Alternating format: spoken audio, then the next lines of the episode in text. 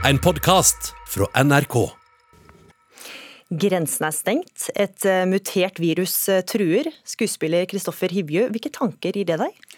Altså Det tar meg langt tilbake til vikingtiden, da Norge var delt opp i et stammesamfunn i forskjellige klaner. Så langt. Vi skal høre hvordan en pandemi i 2021 kan sammenlignes med det som skjedde for 1000 år siden.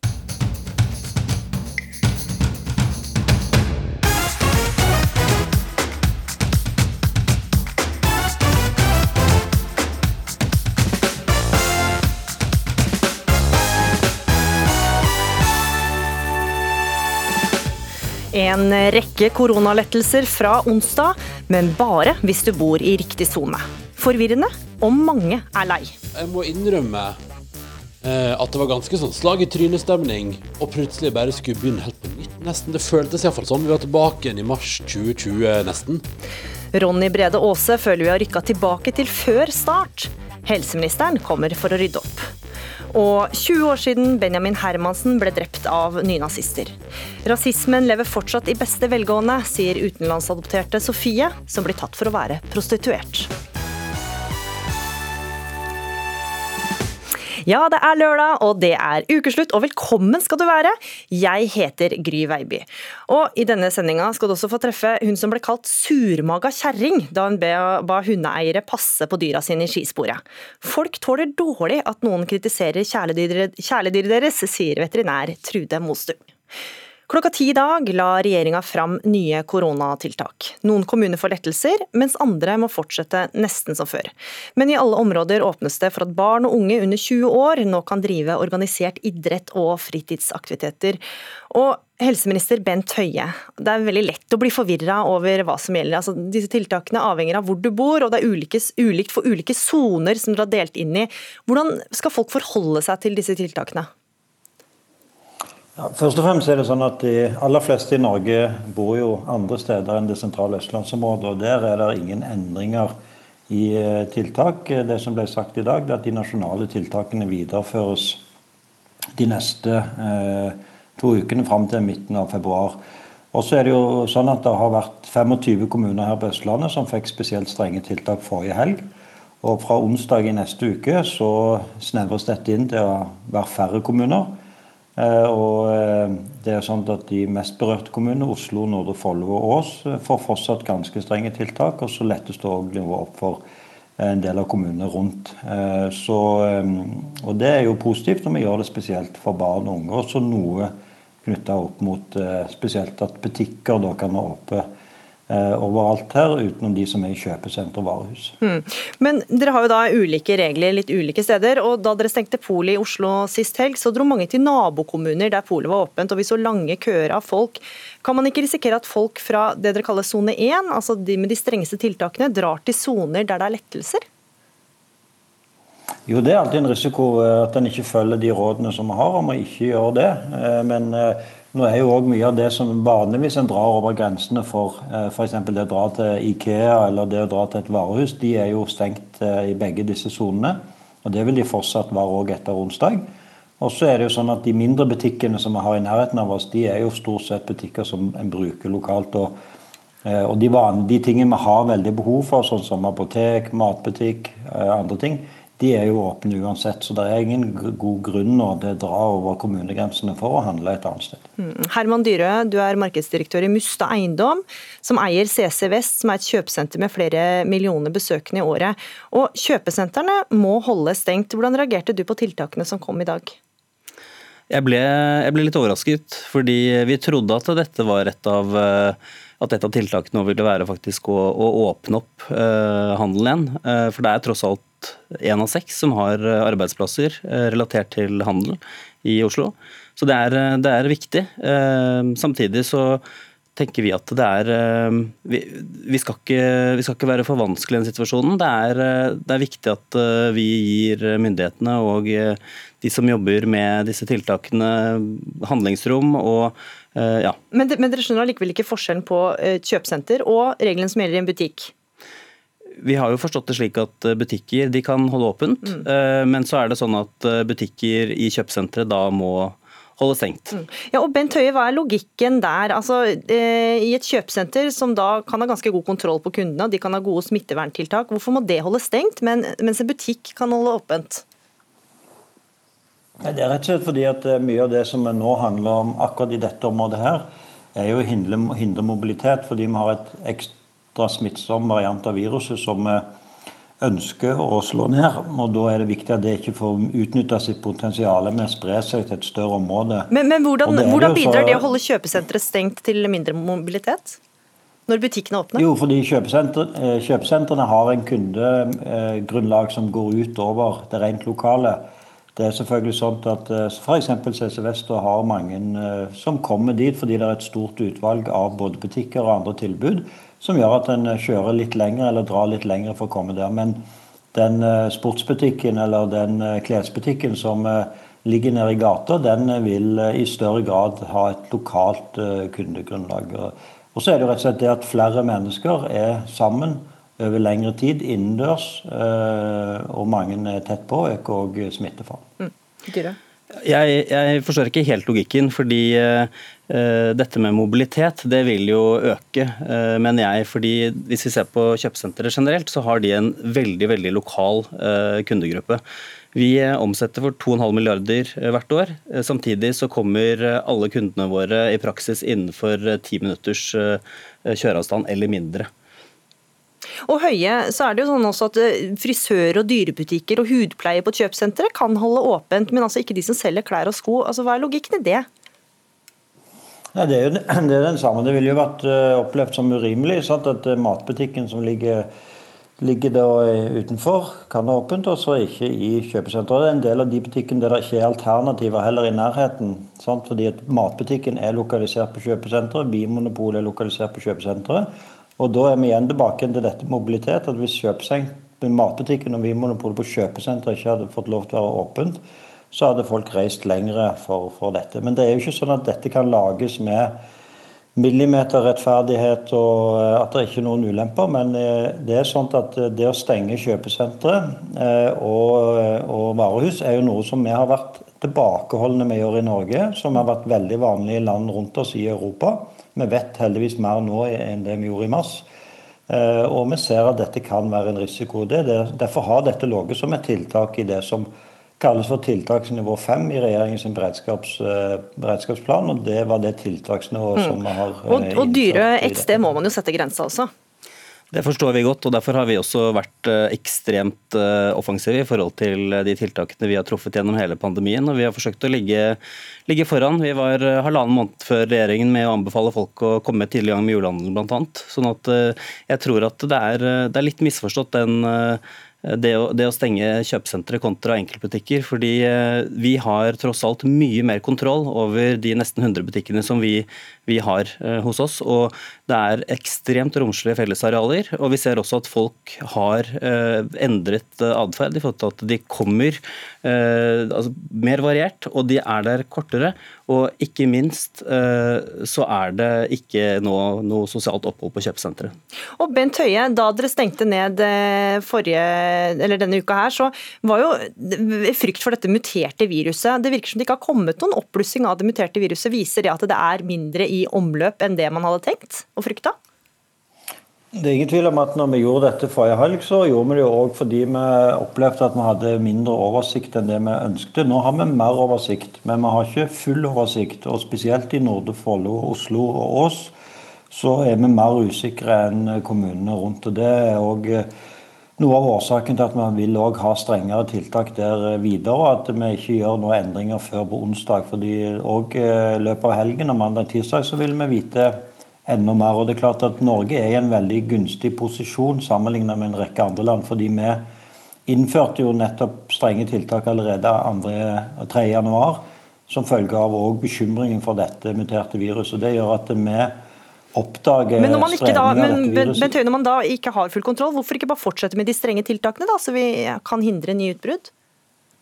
Ja, fordi Tiltakene må hele veien stå i forhold til situasjonen. og det er klart at Forrige helg så hadde vi mye mindre oversikt enn det vi har nå. og Det betyr at vi òg fra onsdag kan lette hvis den positive utviklingen fortsetter. At vi ser at dette muterte viruset ikke har fått utnytta sitt potensial heller i, i dette området. her, og Det skyldes jo for den gode jobben som er gjort, bl.a. på kjøpesenter og butikker. Jeg anerkjenner virkelig den flotte jobben som er, som er gjort der. Mm. Og Er du usikker på hvilke regler som gjelder der eh, du bor, så kan du gå inn på nrk.nos eh, nettsider og følge nyhetssendingene våre utover dagen. Takk for at dere var med i Ukeslutt, eh, Bent Høie, helseminister, og Herman Dyre, markedsdirektør i Mustad Eiendom, som eier CC Vest.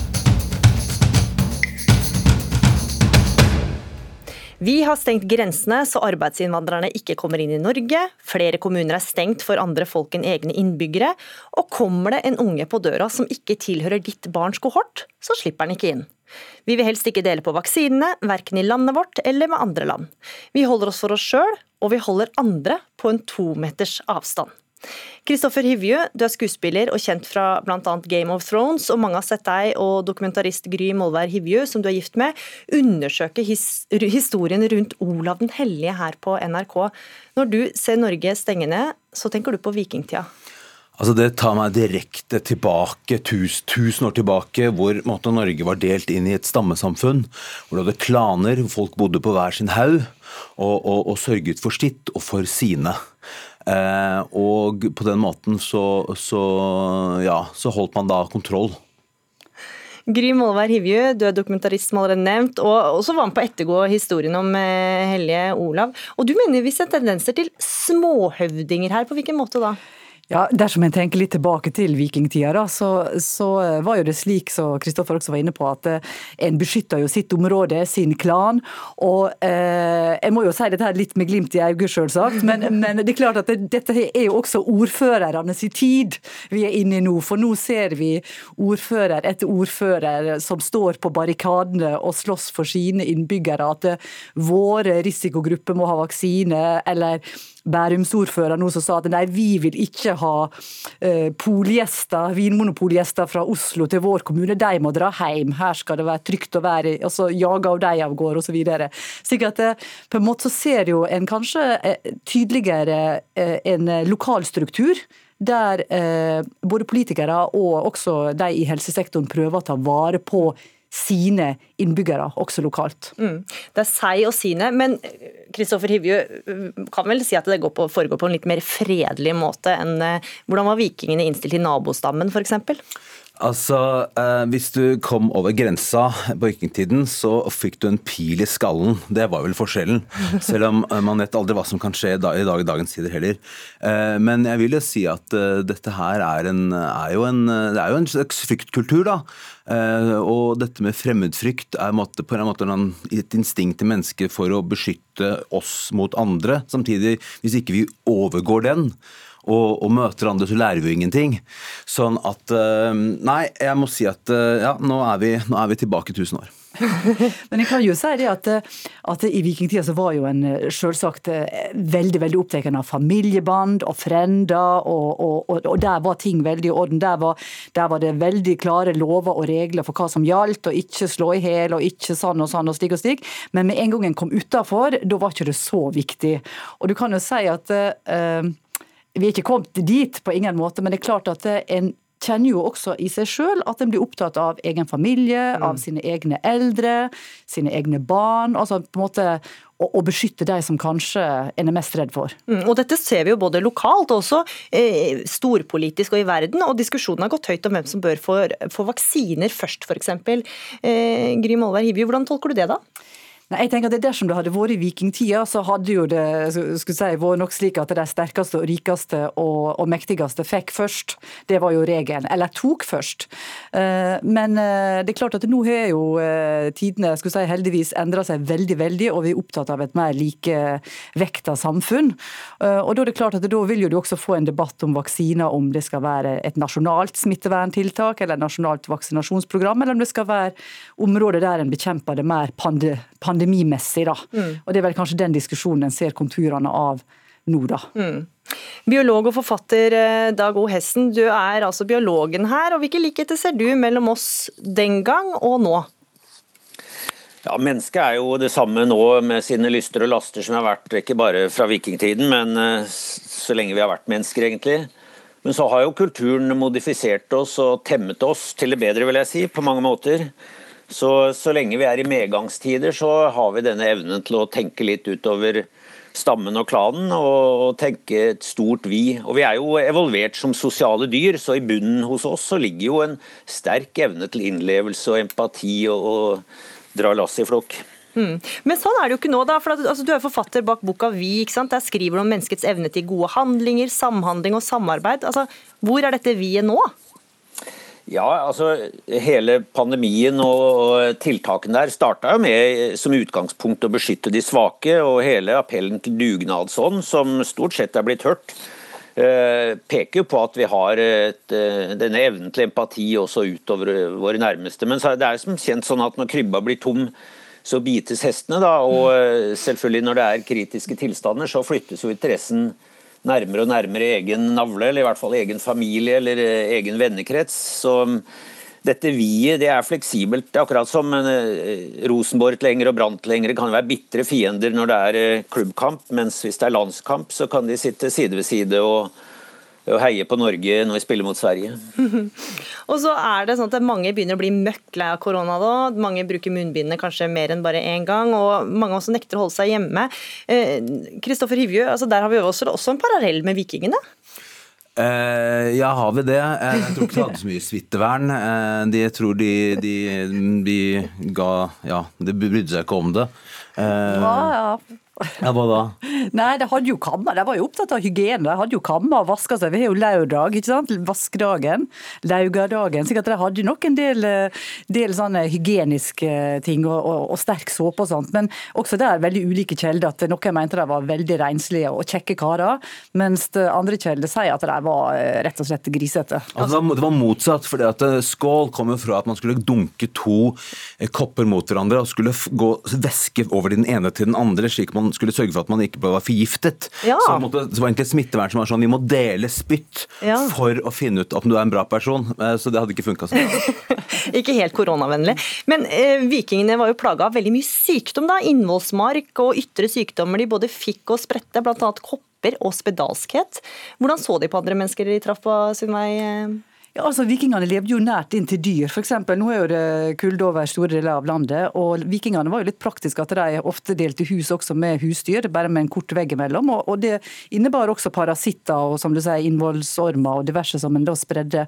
Men, øh, men øh, de var jo litt sånn som vi var inne på tidligere, og som, som Hesten også nevner, at en var jo veldig opptatt av seg og sine, sin familie, slike ting. Og en ser jo når vikingene drar på raid f.eks. til andre land, så gjaldt jo ikke de lover og reglene som en hadde hjemme. Her var Det ganske, altså det kunne være ganske strengt regulert i et vikingsamfunn at det var ikke lov å drepe, det var ikke lov å ha treller, en skulle ikke ta andre sin eiendom osv. Men idet en gikk i land i et annet land, og andre mennesker, så gjaldt ingenting av det. Og det er jo vi inne på la vi si, litt sånn heidenske ting og menneskeverd og religion og slike ting. Fordi at andre mennesker, andre klaner, hadde ikke den samme verdi som sin egen. Mm. Så det var jo et veldig rått og brutalt samfunn når, når en liksom skjer det ned til grunnlinja. Hessen, altså Dette med sykdom og smittefare, altså, hvordan ser mennesker på det? Altså, vi har jo hørt at folk har blitt liksom hetsa også fordi at de har hatt korona nå. Ja, eh, det er jo igjen dette med utenforskap, og bare til det som eh, Gry nevnte her. Eh, det er klart at denne evnen til å utdefinere andre mennesker som de, og kanskje ikke mennesker engang, det er jo det vi har sett igjen som er bakgrunnen for de grusomhetene som har vært i kriger og annet. Det er evnen til å utdefinere det andre som noe annet enn mennesker. Og litt sånn har det nok vært også i forhold til sykdom. Det er klart Sott og sykdom og pest og elendighet har jo ridd mennesker som en mare bestandig.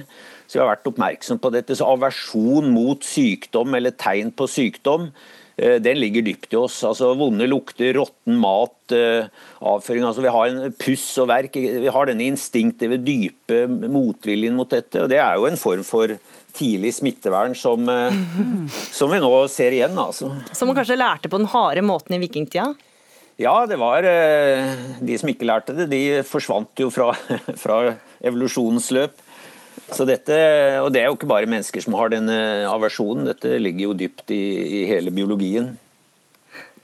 Kristoffus Hivju, altså disse sonene vi hørte tidligere i dag på pressekonferansen, at eh, de har delt inn i soner i regjeringa, altså i Norge eller Østlandet delt inn i soner. Hvordan eh, ville vikingene ha kommet på noe sånt? Ja, De hadde disse sonene. for Folk levde jo på disse hver sine gård, og så, hver sine gårder, og så hadde de hadde de selvfølgelig måtte større klaner og, og, og nabogårder. Så der, måtte, Norge var jo delt inn i soner helt til Harald Hårfagre kom og prøvde å samle hele landet for første gang. Uh, som, så Derfor ser jeg og Gry, som er veldig hårfagre begge to, som vår oppgave å samle landet tilbake igjen med vår Olav-serie. Uh, så, så ja, det, det, det, det er et eller annet i mennesket at vi har måttet, før vi ble organiserte, på en måte, eh, som vi er i dag, eh, ja, delt oss inn i mindre grupper. Ja, så det har vi prøvd før, så kanskje det kommer til å gå bra denne gangen også. Eh, Gry Molvær Hivju, Kristoffer Hivju og Dag Olav Hessen, takk for at dere var med i Ukeslutt. Mange av oss har nok brukt litt ekstra mye tid ute denne perioden, og nå er det snø mange steder i landet. Vi spenner på oss skiene. Sola titter eh, mellom trærne, føret er perfekt. Glien er god, og skiene suser friksjonsfritt bortover løypa. Så kommer du til en fin nedoverbakke, farta øker, og Malini Gåre Bjørnstad tas med videre på turen. Jeg kjenner at det kribler i magen. Jeg vet at den nedoverbakken er skikkelig tøff. Jeg setter meg i en hockey. Jeg Prøver å liksom bare være tøff i nedoverbakken og ta inn over meg at solen skinner, og dette her kommer til å bli helt magisk. Men så Men så kommer det en hund i løypa. Du er journalist eh, og skrev nylig en kommentar i magasinet KK om at hunder i skisporet eh, der du går på ski, er eh, veldig irriterende. Altså Bare for å rydde det av veien, du er ikke en sånn som roper løype og hytte med skistaven om noen går treigt? absolutt ikke. Nei. Men hva er det som er gærent med denne hunden som kommer i skiløypa? Ja, altså Poenget er at det er ikke noe galt med hunden.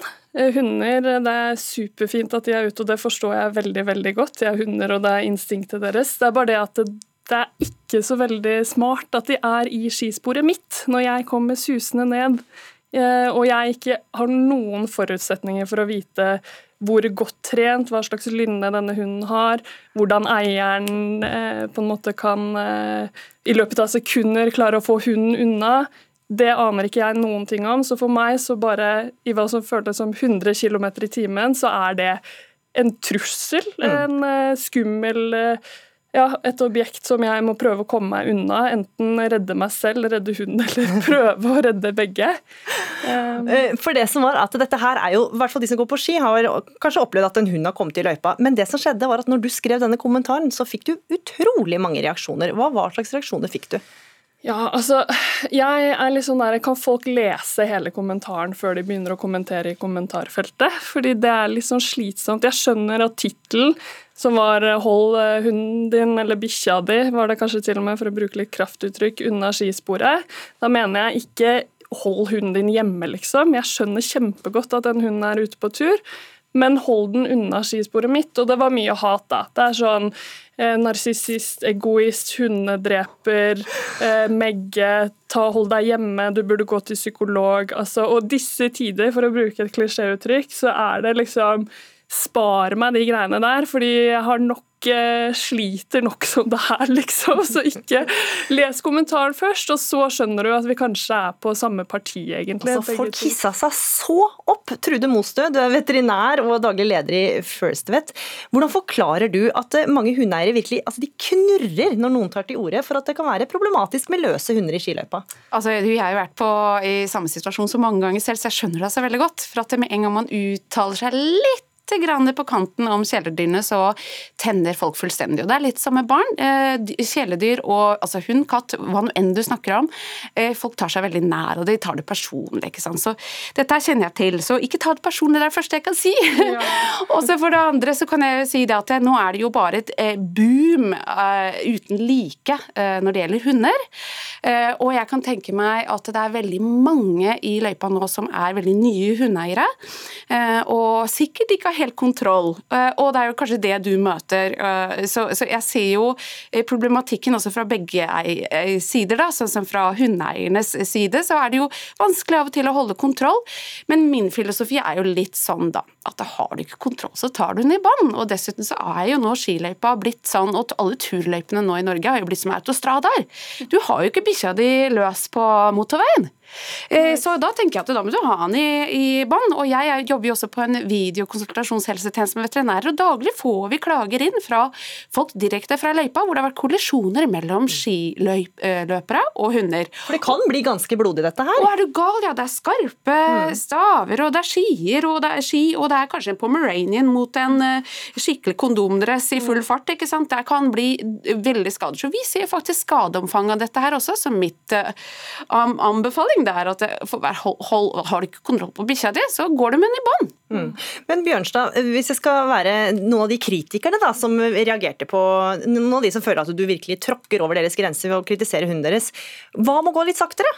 Sånn at disse hundene kan få lov til å fordi Mange av de må jo faktisk bare trene til å klare å gå i løypa. Ja, men det er veldig lett å si hva man går litt saktere. fordi det går ikke an å gå sakte ned en eh, bakke. Da, er det liksom, da har du den farten du har. Og det er på en måte Hva med å heller ta hunden og øve et sted som ikke det er liksom mest populære løypa, på en måte, på Frognerseteren f.eks. i Oslo. Den mest trafikkerte og populære, populære løypa. Ikke ta med deg hunden din når du for første gang skal ut i, og trene den. på en måte. Finn noen andre løyper hvor det ikke er så mange folk. Eh, Og jeg prøver å kontrollere farten, altså, men det, går, det, er liksom, det er vanskelig.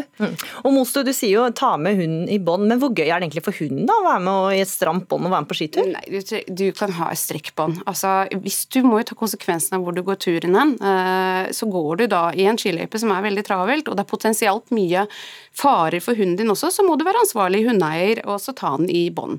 Og jeg er helt enig, du kan trene den helt andre steder. Og så er det jo selvfølgelig også eh, Jeg tror man også må ha litt sympati og forståelse fra begge sider. Eh, Så man, hvis man møter da en hundeeier da, må man miste litt kontroll da, eh, og du, de roper liksom eh, du, Og ikke vær redd, ikke sant, eller sånn, så, så må man også sympati for at det også kan skje.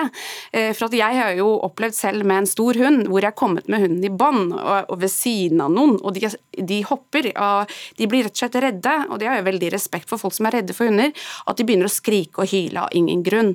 Og det er kanskje det også folk føler litt på også, men jeg, som hundeeier så skal man ha respekt for at det er ikke alle som liker hunder. Og, og, og så ærlig talt, hundefolk, kjære hundefolk der ute, jeg, jeg må bare oppfordre dere for skademessig, ikke utsett hunden deres for de type skader de kan få i en skiløype. Dette er en autostrada for tiden, alle er på tur, så vis hensyn. Veldig god oppfordring der. Malini Gårde Bjørnstad, nå skulle folk sett deg, for du sitter jo i fullt skiutstyr. Så får vi håpe at alle har fått med din oppfordring, og også Trude Mostus oppfordring når du skal ut på ski. God tur, og hold hundene unna akkurat løypa. Ja. Som vi har hørt eh, tidligere i sendinga, et mutert virus førte altså denne uka til nye strenge tiltak for flere kommuner på Østlandet. Stengte butikker, påbud om hjemmekontor og hjemmeskole. Og denne gangen er vi kanskje ikke like motivert som vi var i mars 2020. Reporter Line Forsmo har snakka med noen av dem som føler at vi nå har rykka tilbake til før start.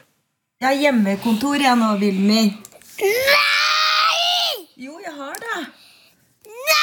Er det hit vi er på vei igjen nå? Nei! Even Benestad vil ikke ha reprise av kombinert hjemmeskole, hjemmebarnehage og hjemmekontor for familien sin på fire. Det første jeg tenkte, bare, å nei, hjemmeskole. Når sånn, skolen kan gå rødt. Og Det er, sånn, det, er det jeg ser for meg. Altså, jeg bare ser sånn der gigantisk megaalarm som bare kommer opp midt i Oslo sentrum.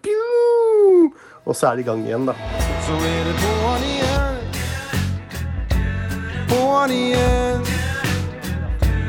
Minnene fra fjorårets stenging av skoler og barnehager kommer tilbake når regjeringa nå snakker om muterte virus, villsmitte og strenge tiltak på Østlandet.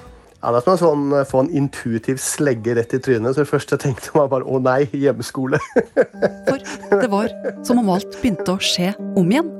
En vond drøm som vendte tilbake. Statsminister Erna Solberg 12. mars 2020 I dag kommer regjeringen med de sterkeste og mest inngripende tiltakene vi har hatt i Norge i fredstid. Statsminister Erna Solberg 23. januar 2021. Det er det strengeste tiltakene vi har hatt siden 12. mars. I 2020 hamstra folk doruller i både innland og utland. Og så er det jo nå utsolgt på doruller av alle ting, eh, veldig mange steder. Som antageligvis skulle brukes til litt av hvert i tiden fremover. Jeg tok sånne armhevinger med doruller i dag, for det fortalte Yngvar om i går. I 2021 er det hamstring av alkohol fra Vinmonopolet som preger nyhetsbildet. Over 100 meter lang kø utenfor Vinmonopolet i Sandvika i Bærum. Igjen snakker vi om grenser som stenges, Nå blir Norge stengt. om det er greit å dra på hytta, Det er selvfølgelig mange som denne helgen er på en hytte. og søringkarantene. Nå er omgrepet søringkarantene igjen blitt et tema. Så er det på'n igjen. På'n igjen. På'n igjen. På'n igjen. Forrige lockdown så var det jo søringkarantene, så vi kom oss jo ikke nordover. Så vi fikk jo først kom nord midt på sommeren en liten tur i begravelse til bestemor.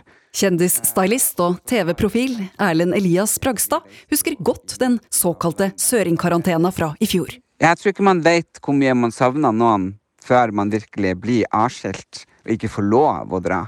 Men vel tilbake i Oslo på nyåret fra sin siste tur nordover, ble det straks innført strenge tiltak. Nei, jeg har, jeg har jo tenkt litt og bare for faen, jeg skulle bare vært der oppe. Og lillebror er jo fortsatt der oppe. Da samfunnet stengte ned i 2020, fortalte han i ukeslutt at han var skikkelig redd. Å bare se liksom tomme butikkhyller og sånn, det føltes virkelig som krigsstemning. Så jeg har jo hatt utrolig mye sånn redsel inni meg. I tiden som fulgte, ble det mye sofasitting og TV-titting. Perling og puslespill og Men til slutt så var, følte jeg at veggene eh, spiste meg opp. De bare kom imot meg, og leiligheten ble mindre og mindre og mindre.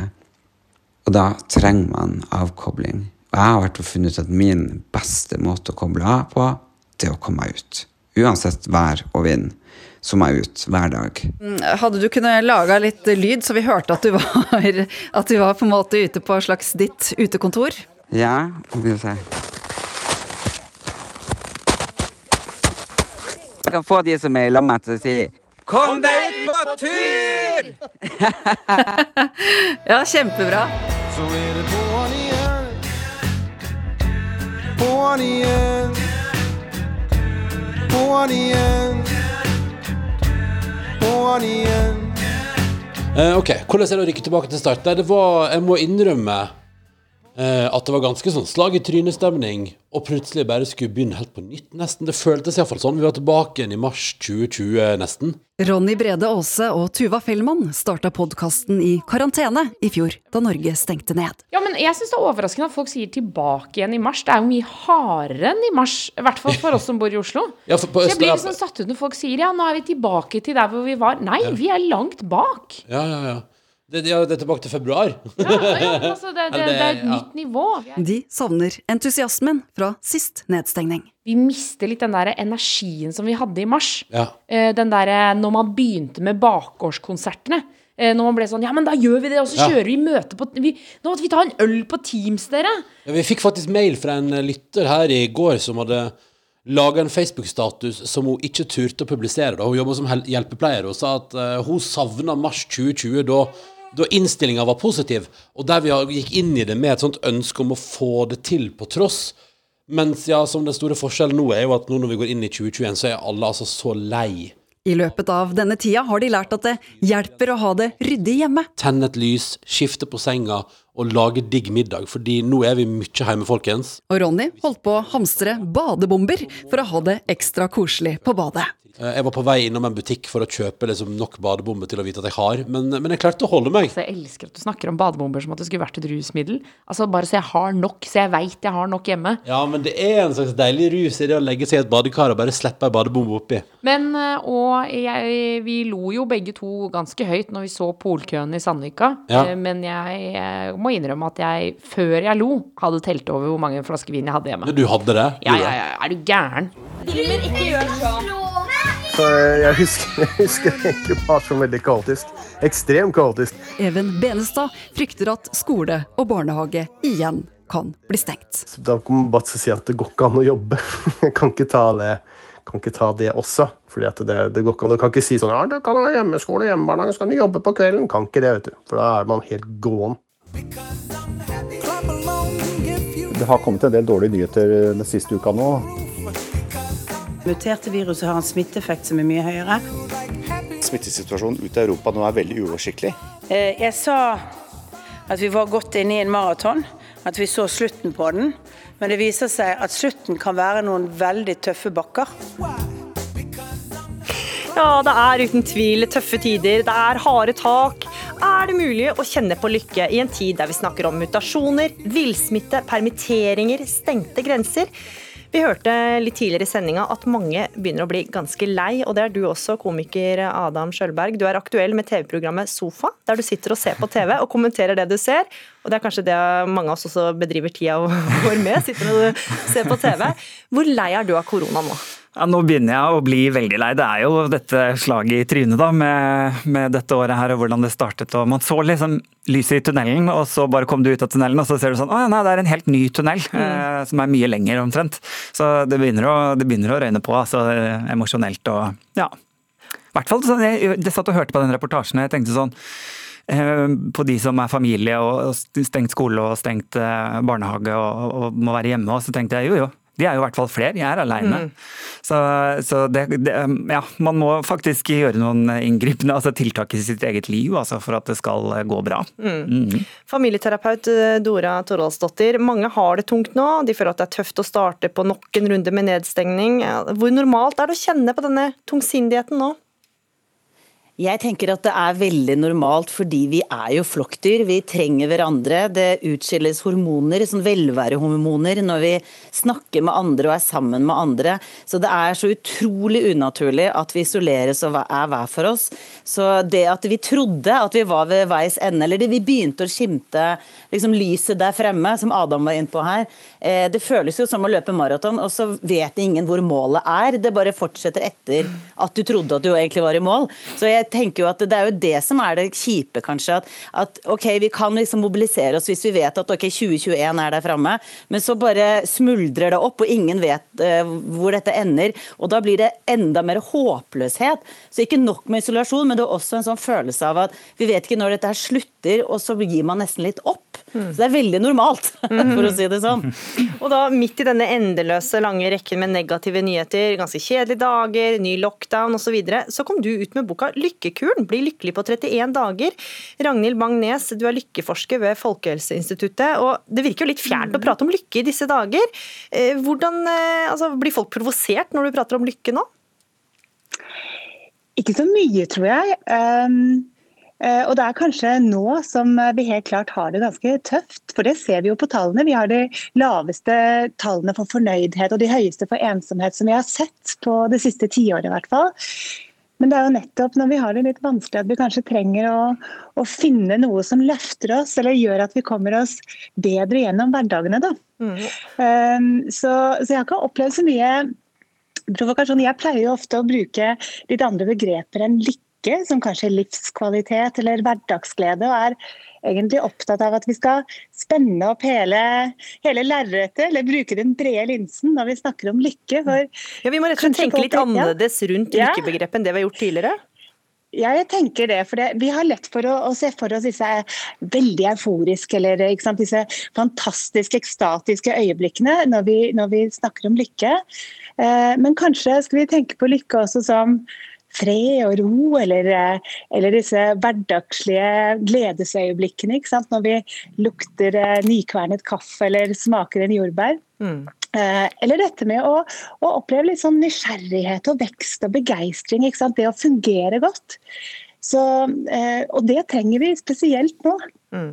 Og Sjølberg, du snakka om det, det der med å være aleine også, men du gir deg sjøl små oppgaver du, for å gjøre livet litt eh, morsommere. Hvordan da, Skjølberg? Jeg har jo på en måte eh, litt sånn Jeg har jo slitt litt tidligere med, med både depresjon og, og litt angst og sånt nå, så jeg har jo vært veldig bevisst på dette med å øve meg på å bli glad for noe, eller registrere når jeg er glad for noe. fordi man kan faktisk eh, øve seg til å, å legge merke til det på en annen måte enn man har gjort før.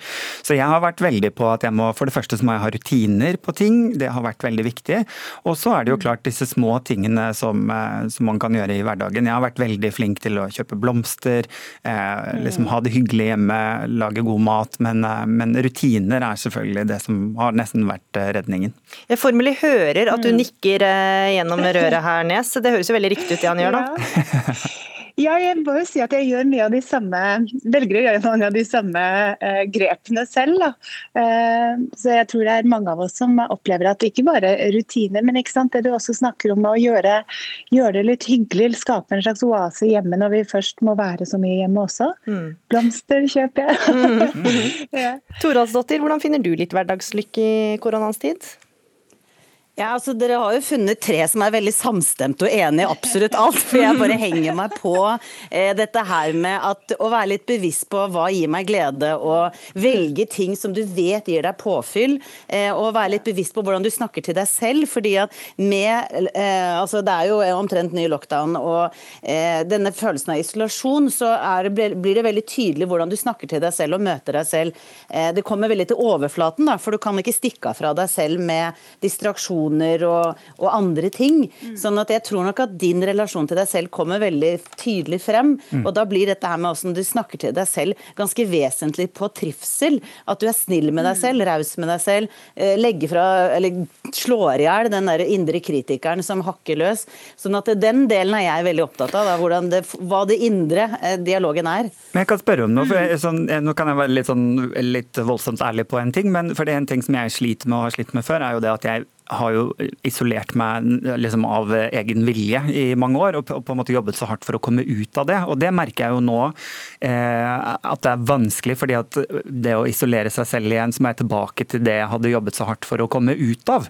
Og det syns jeg har vært kjempevanskelig, rett og slett. fordi at nå er jeg nesten blitt komfortabel i isolasjonen min igjen, ikke sant? og så må jeg gjøre hele jobben på nytt. Så for meg handler det jo også ikke bare om tiltakene som er en slags tunnel og et maraton, men jeg vet at jeg nesten må begynne litt på start igjen med, med å komme ut av min egen, mitt eget hode igjen. da. Mm. Og Det kommer sikkert til å bli en ganske stor omveltning for mange av oss når eh, tiltakene lettes og vi går tilbake til eh, normaltilværelsen. Men eh, Ragnhild Bang-Nes, altså, det må jo være lov å være litt irritert nå også? Det er jo innmari kjipt? Ja, men det, det er det. Og det er klart at eh, Følelser, enten de er positive eller negative, de er jo viktige signalmekanismer. Så det å ta de opp og kjenne på det, det tror jeg er viktig. Altså, det er vanskelig, det er utfordrende. Men eh, fremdeles er vi ikke helt i mål med pandemien. og det å og prøve i hvert fall å, å finne noen personlig meningsfylte måter å, å holde ut på og finne glede. Og, og samtidig som vi kan kjenne på også det som er utfordrende, det tror jeg er viktig. Mm. Toralsdottir, eh, hvordan gjør du det? Får du ut eh, aggresjon eh, til tider, eller er det bare stearinlys og blomster? Nei, jeg, jeg, det, ja, det hadde, da hadde jeg vært den eneste, tror jeg, som bare gikk og lalla rundt i min egen lille åse. Nei da, jeg, jeg får det ut, og jeg tror at det er en veldig stor del av mental helse handler om å Eller god mental helse handler om å sette ord på hvordan du har det. Så for min del så har jeg f.eks. en søster hvor vi bruker hverandre som søppelbøtter, så vi kan bare ringe, starte samtalen med å si 'nå trenger jeg å tømme meg', og så er det bare bla, bla, bla, bla, ha det bra, og så legge på. Og sånn kan vi gjøre, og det tror jeg er veldig sunt å ventilere litt, få det litt ut, eh, uten å, å nødvendigvis få noe respons, men det, det er i hvert fall min eh, måte å gjøre det på. Og så kan man jo sette på litt sånn kraftig musikk, gjerne aggressiv om så er, ikke sant? Og, og danse det ut, eller, eh, eller ja. Det er mange måter å Sette på litt hardrock kanskje i stua og, Ja. og danse Ja. det ut. Ja. Ja. Gode, gode, råd der. Ja. gode råd der på veien. Takk for at dere var med i Ukeslutt. Slutt. Adam Skjølberg fra TV-serien Sofa, Dora Toralsdottir, familieterapeut, og Ragnhild Bang-Nes, lykkeforsker.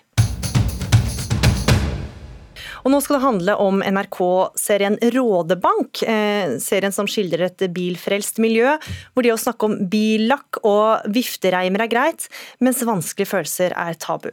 Både i forrige sesong og årets får denne mangelen på åpenhet alvorlige konsekvenser. Og som jeg bare si da, har du ikke sett serien, så må du bare holde for ørene de neste minuttene. Jeg ringer til deg som prest i kveld, jeg, Glenn. For å fortelle at Sivert har vært involvert i en alvorlig trafikkulykke. Hæ? Og han eh, Hvor? Hvor da? Hvor da? Nei, det vet jeg ikke. Og her eh, er fra en av scenene hvor råneren GT står ved sankthansbålet i Bø når han får telefon fra presten, for eh, kameraten Sivert har kjørt seg i hjel. Og Sjur Vatne Brean, du er skuespiller og spiller Sivert i Rådebank. eh, Og du har fått merke at eh, Siverts død har gjort inntrykk på mange. Hva skriver de som gir deg tilbakemeldinger? Det er utrolig mye fine, fine tilbakemeldinger, eh, og veldig sterkt å lese. Veldig, I hvert fall når det er, en, det er så skummelt å lage serie om noe som er såpass alvorlig og, og sårt for veldig mange. Så det at det treffer riktig, da. For masse meldinger om at man har opplevd det samme, eller at man har vært de samme tankene, eller at man kjenner noen som har vært det. Og at eh, det blir tatt opp på riktig måte. Da. At det treffer riktig. Mm. Um, og det betyr veldig mye. Da. For det viser seg jo at uh, Sivert uh, han har kjørt seg i hjel med vilje og tar livet av seg da, til vennenes og også mange seeres store overraskelse. Mm. Kan du forklare hvorfor det endte sånn? Det er jo det som er litt vanskelig med uh, selvmordstematikken. Altså det er jo litt vanskelig å forklare. Um, det er jo ikke bare én enkel begrunnelse, det er jo masse forskjellige faktorer um, som grunner inn i et veldig dumt valg man tar. da. Um, og for Sivert var det rett og slett at han bare ja, Han skulle bare tatt seg en ekstra tankegang. Mm. Snakket med noen, kanskje. Mm, Det var litt impulsivt. Impulsivt, som det dessverre ofte er. Mm. For faren hans påpeker da i etterkant at alle problemene han hadde, de kunne løses. Um, Men far og sønn prater jo lite sammen. Hvor typisk er denne kulturen for menn, tenker du? Åh, jeg må jo snakke veldig ut fra hva jeg eh, Mm. tenker her, men det er nok veldig veldig typisk, eh, dessverre. Og også i liksom, den moderne mann, på en måte, så ligger det fortsatt veldig igjen det å, eh, å ikke snakke om ting. Det, det at man, man vet kanskje Jeg personlig er veldig sånn um, klar over at jeg burde snakke om ting, men, men så er det et eller annet inni meg som liksom holder meg litt tilbake, som gjør at det er noe skamfullt over det. da. Um, og Det er derfor man bare må starte den dialogen. Starte bare sånn, La oss snakke sammen. La oss bare venne oss til at det er fint og viktig å gjøre. da. Har du blitt mer bevisst på det nå? Blitt mer bevisst. Jeg har det, altså. Mm. Virkelig. Og også at man ser sånn, Det er ikke bare viktig for psyken. Her er det snakk om liksom bokstavelig talt liv og død. Snakk om alle småting. Det er viktig. Og Serien skildrer også vennene til Sivert, som alle har ulike reaksjoner på at Sivert har valgt å dø. Og rollefiguren Hege hun er rasende. Bare hør her. Han ga tidenes fuck you til alle som brydde seg om han. Det her det her er helt, helt jævlig. Og det er bare hans skyld. Det der mener du ikke. Lilly Lundberg, du er råner, og du kjenner deg igjen i Hege. Hvordan da? Nei, altså alle har jo forskjellige reaksjonsmønstre, eh, og spesielt ved sorg. Um, og jeg kan kjenne veldig igjen uh, de følelsene som Maja da skildrer i Rådebank, uh, med å først reagere med sinne, og så eventuelt komme til en forhandling for hun så kan føle på sorgen, og det er veldig vanlig. Og jeg tenker at det er kjempebra at det skildrer akkurat denne type reaksjon, for det er ikke så veldig ofte man ser det i en slik sammenheng. Mm, og Du var også statist i serien. Men dette at det er jo lagt i rånemiljøet, eh, og det med vans vanskeligheten med å prate sammen, er det noe du kjenner igjen fra ditt miljø? Ja, veldig. Det er, eh, vi har, det er noe folk har blitt bedre på opp gjennom åra, men det har jo dessverre vært folk som ikke har klart å prate om det, og har endt opp med å ta livet sitt. Og det er utrolig trist. Jeg håper at dette kan være noe som kan forebygge, da. Og at folk faktisk blir flinkere til å prate sammen. Mm. Men hva er din forklaring da på at det er så vanskelig både for rånejenter og rånegutter å snakke åpent om følelser?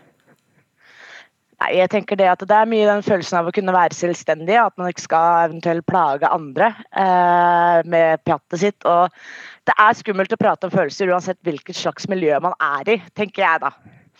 Mm. Har det noe å si for ditt miljø da, at denne serien tar opp dette med åpenhet og selvmord? Ja, det vil jeg si i aller høyeste grad at det har. Mm. Hvilke samtaler er det dere har hatt om eh, denne serien da? Uh, nei, jeg har egentlig bare grinet masse, for det har jo dratt opp en del uh, personlig for min del. Uh, og jeg har jo hatt veldig mange som har tatt kontakt med meg og har hatt behov for å prate om det. Og jeg minner jo ofte på at dette er en TV-serie, men det er ting som faktisk også kan skje, da. Um, så jeg tenker at det har skapt mye bra diskusjoner og, og mange bra samtaler innenfor miljøet. Mm. Så absolutt. Sjur Vatne Brean, også kjent som Sivert i Rådebank. Man blir jo veldig engstelig når man ser på dette her, eh, for å havne både i farens og vennenes situasjon. At barn eller noen andre man kjenner tar livet av seg, altså tilsynelatende ut av det blå. Hvor skal man starte for å forebygge dette? Du snakka om at man må snakke om det, men hvordan skal man gjøre det?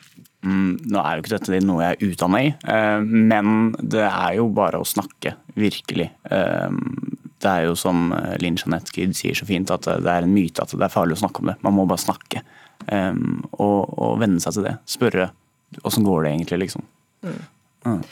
Så denne serien må bare nevne at Aftenposten som anmeldte den, sa at denne serien bør bli pensum for alle med gutter hjemme. Og da er jo den tydelige oppfordringa sendt. Takk for at dere var med i Ukeslutt, Sjur Vatne Brean og Lilly Lundberg.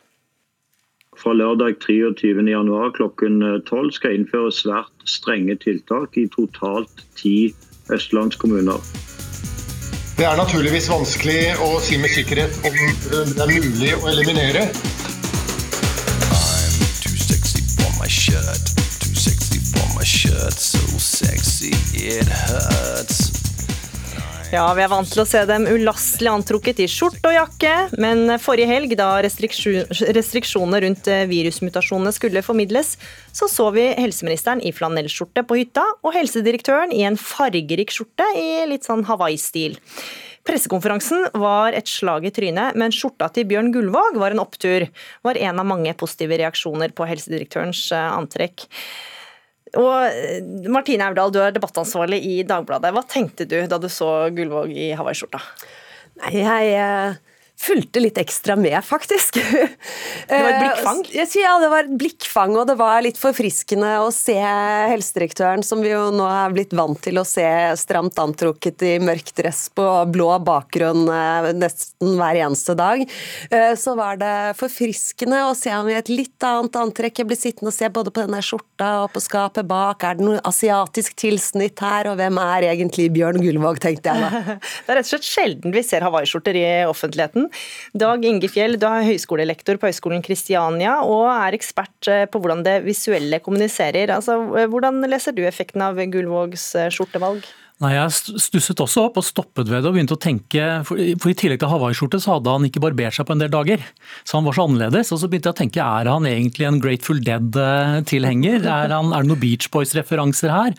Og så begynte jeg også å tenke at dette er jo en lege, eh, og, og egentlig så ville han vært den perfekte fastlegen. Han hadde tenkt, La oss si at du har vært litt uheldig og ramla utpå et eller annet og måtte til legen, da, så ville han vært mye mer forståelsesfull, hadde jeg tenkt, som, som lege. Så er det enormt mye sånn merfortellinger rundt han som en byråkrat, som kom fram da i løpet av de få sekundene han var i, i, i fjernsynsruta. Ja, så For deg så innbanet de tillit da, med å ha på seg hawaiiskjorta? Ja, altså, det, det, dette er en mann som, som du kan si noe til, og som har en forståelsesramme, og som, og som ikke er sånn firkantet eh, byråkrat. Altså, dette er en mann som, som eh, rett og slett er mer eh, ærlig, har et mer spennende privatliv enn en det man tror at sånne karrierebyråkrater har.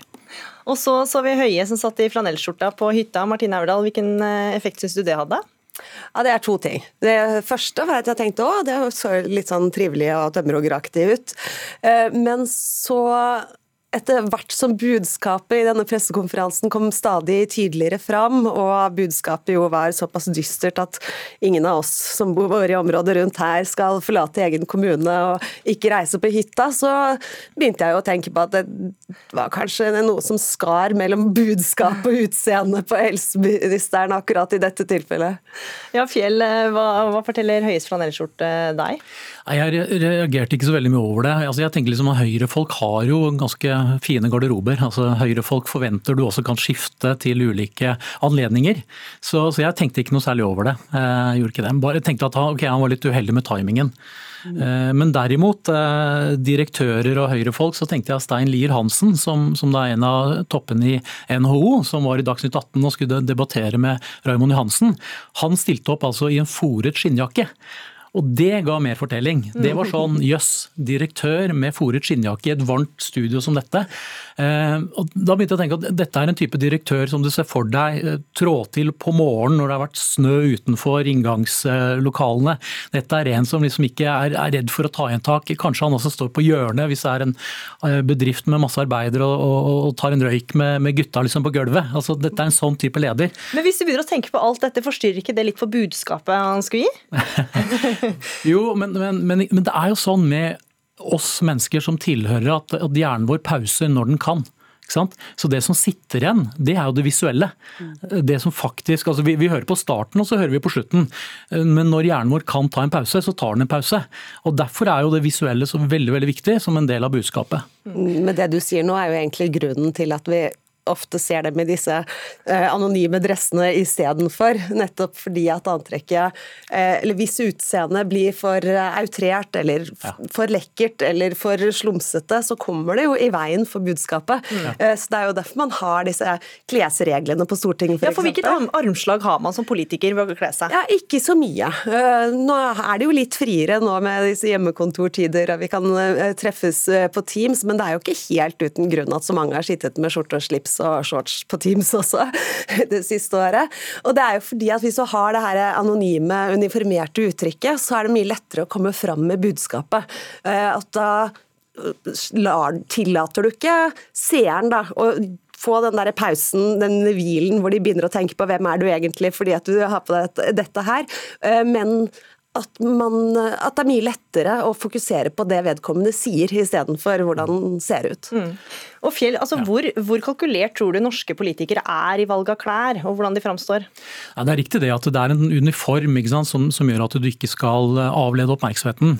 Men jeg tror, jeg tror ganske mange altså se på, altså I går her i Dagsnytt 18 så var det jo en venstre eh, toppolitiker, som, eller byråkrat, som, som drev og snakket om uh, dette med resirkulering av klær. og Så stilte han opp da en sånn strikka genser. sant? Det var helt klart uh, kalkulert. altså Da underbygger han budskapet, på en måte? da. Jeg er ikke en sånn der kynisk eh, blåblæser, eh, kast alt og kjøp nytt-type politiker. ikke sant? Mm. Istedenfor å si det, så har du på deg den genseren.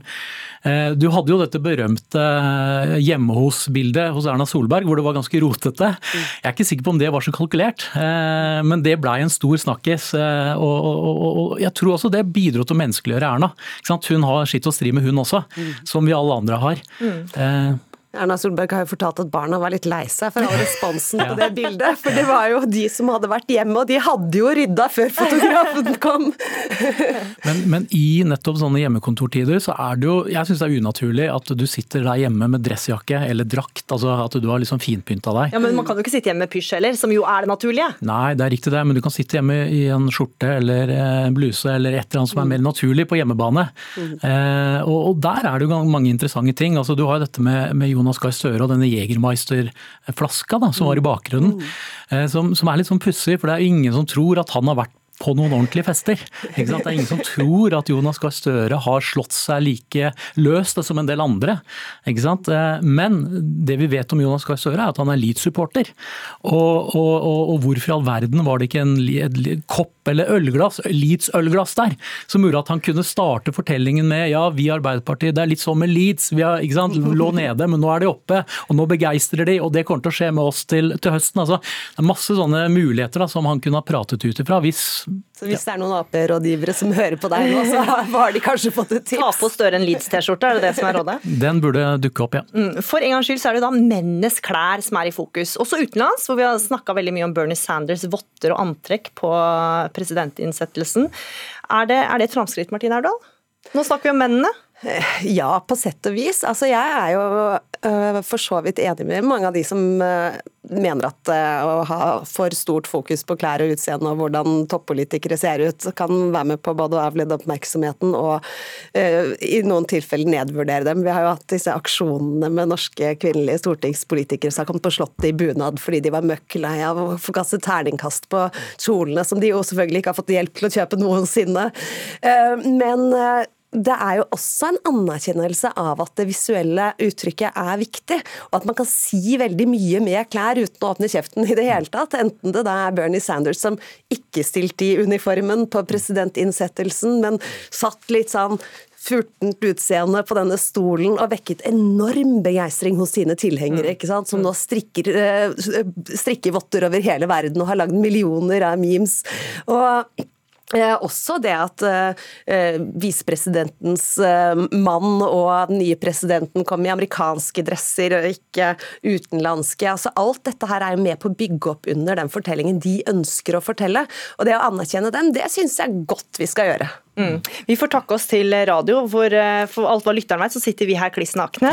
Martine Aurdal, debattansvarlig i Dagbladet, og Dag Inge Fjell, høyskolerektor ved Kristiania. Takk for at dere var med i Ukeslutt. Og med det er ukas eh, ukeslutt eh, slutt. Ansvarlig for sendinga var Kari Li. Det tekniske ansvaret hadde Frode Thorshaug, og her i studio var Gry Veiby som takker for følget. Og husk at du kan høre oss når du vil, hvor du vil. Last oss ned som podkast eller i NRKs nettspiller.